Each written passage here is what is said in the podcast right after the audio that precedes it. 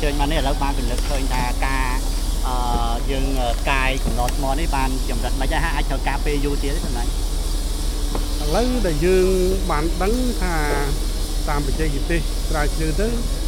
នៅសមមនុស្សម្នាក់ដែលនៅមានជីវិតចឹងហើយឥឡូវនេះយើងអឺតាមការណែនាំរបស់សម្ដេចតេជោហើយខ្ញុំក៏គ្រប់គ្រង100%ថាឥឡូវគឺមិនយកជីវិតមនុស្សសិនអ្នកដែលនៅរស់ ហើយអ្នកដែលបានអឺស្លាប់មិនចង់និយាយថាយើងបោះបង់ចោលទេក៏ប៉ុន្តែអន្តរជាតិអ្នកនៅមានជីវិតបាទដោយសារក្រុមការងារតិចទៅឃើញឮសម្លេងអីឬក៏យ៉ាងម៉េចសម្ដេចឮសំឡេងឥឡូវមិញមិញមិញស្រ័យសួរទៅឆ្លើយឆ្លងនេះបានសម្ដេចអឺក្មួយមិញបានសួរប្រជាពលរដ្ឋមិញយ៉ាងតិចក៏10នាក់ទៀតដែរគាត់ថាបាត់4នាក់បាត់4នាក់ម្នាក់2នាក់ទៀតអឺយើងមិនទាន់ដឹងពិតប្រាកដនៅឡើយថាតើណែកម្មករទាំងអស់ហ្នឹងមានប្រមាណ ហើយយើងបានដឹងថាណែក្នុងរង្វង់30ជាងឥឡូវយើងយកបាន23 23ស្លាប់5ហើយបើម្នាក់នេះគាត់មានសំណាងនៅមានជីវិតទៀតដែលយើងបាន24ហើយក្រៅពីនោះយើងនឹងបន្តបន្តសិក្សារកសម្លេងទៀតបើមិននៅមានយើងបុកទៅទិសនោះទៀតដើម្បីរក ជីវិតមនុស្សស្ដារជីវិតនៅស្រង់ជីវិតមនុស្សដោយសារយើងធ្លាប់មានបទពិសោធន៍នៅកំពង់សោម្ដងអញ្ចឹងសម្ដេចតើការងារនេះអាចអឺនឹងពិបាកអឺត្រូវការពេលប្រហែលទៀតមើលទៅសម្ដេចខ្ញុំគិតថាបើសិនជាដូចថា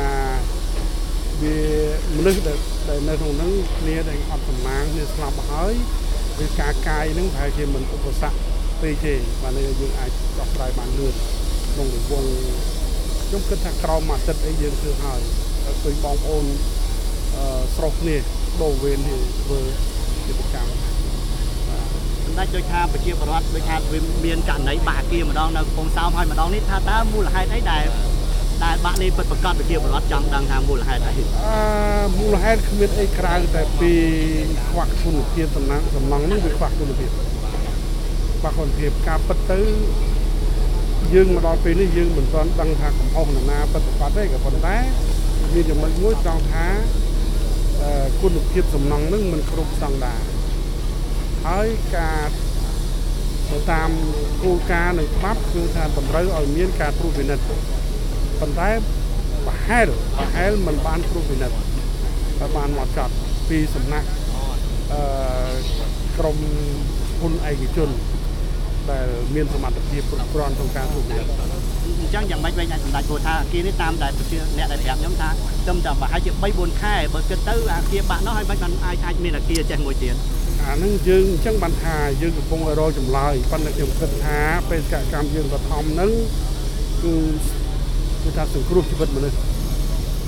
ដែលនៅរស់ហើយទី2គឺមិនរកសាកសពគ្នាដែលបានបាត់បង់ហើយដើម្បីជួបលើគ្រួសារគឺបទសពតាមប្រពៃណីហើយ ទី3គឺយើងសម្អាតកន្លែងហ្នឹងហើយបន្ទាប់ពីនោះមកគឺថាយើងនឹងធ្វើការងារអឺត្រួតពិនិត្យថាតើណែអឺការអនុវត្តខុសច្បាប់ឬមើលច្បាប់អីវាមិនដែរព្រោះឥឡូវមកដល់ពេលនេះយើងបានខាត់មនុស្សមួយចំនួនហើយបាទចេះគឺម្ចាស់សំណង់ហើយអ្នកពាក់ព័ន្ធមួយចំនួនហើយសំណង់ហ្នឹងគឺខ្មែរទេមិនចឹងម៉ែម៉ែអានោះសុំចុងក្រោយដូចថាឥឡូវយើងដឹងថាសំណង់អគារថាគ្មានគុណភាព ហើយចន្លោះទៅរដ្ឋាភិបាលក៏បានវាយកម្ទេចអគារមួយចំនួនទៀតដែរដល់ពេលឥឡូវមានមួយទៀតដូចថាប្រជាពលរដ្ឋបាត់ទំនុកចិត្តលើអគារតើខាងរដ្ឋាភិបាលមានអីបញ្យល់ទៅពួកគាត់វិញបាទអាហ្នឹងគឺការពិតទៅយើងមានច្បាប់មានទម្លាប់មានអនុវត្តច្បាប់គឺអត់មានវិធានការអីលើសពីនោះបាទអស់គ្នាគឺគោរពច្បាប់បាទទាំងអ្នកសាងសង់ហើយទាំងអ្នកដែលសម្រេចឲ្យច្បាប់សាងសង់ទាំងអស់គ្នានឹងត្រូវគោរពច្បាប់ មានស្តង់ដារត្រឹមត្រូវអាហ្នឹងគឺថាអឺខ្ញុំមិនដឹងថាបញ្យល់ទៅពួកគាត់គឺមិនខ្ញុំក៏មិនមែនជាអ្នកបច្ចេកទេសទេក៏ប៉ុន្តែគ្រាន់ថារឿងធំគឺថារឿងអនុវត្តច្បាប់មកគោរពច្បាប់ហើយមិញខ្ញុំសួរលើថាមានក្មេងអ្នកខ្លះ15ឆ្នាំមកធ្វើការទៀតហើយដល់